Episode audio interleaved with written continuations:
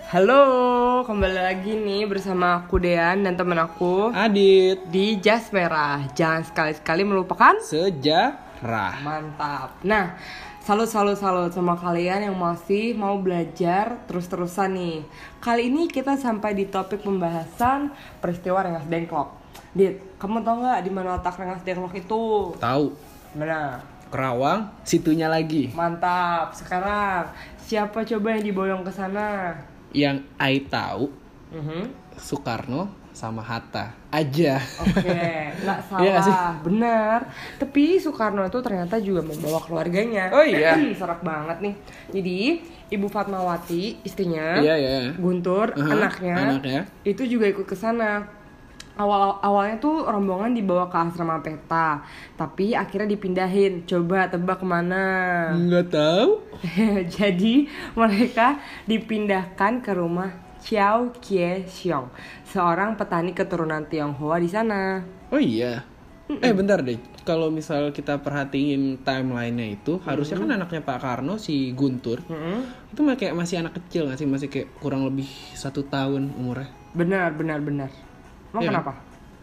Soalnya kayak aku pernah baca di bukunya Bung Hatta yang judulnya Muhammad Hatta Memoir. Mm-hmm. Mhm. waktu mereka sampai di sana di Rengas Dengklok awalnya tuh kayak aktivitas yang dilakuin nggak banyak Ya. jadi kayak uh, Bung Hatta cuma sibuk gendong dan mangku guntur tapi tiba-tiba suddenly out of nowhere Cia. ngompol men Siapa? Si Guntur. guntur Astaga. di pahanya Bung Hatta Astaga, beneran.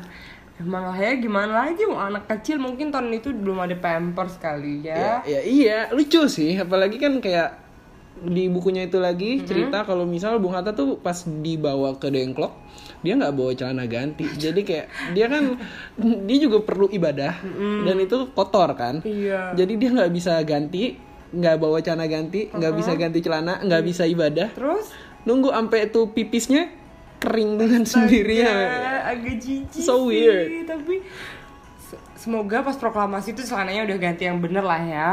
harusnya sih udah sih soalnya udah beberapa hari itu Mm.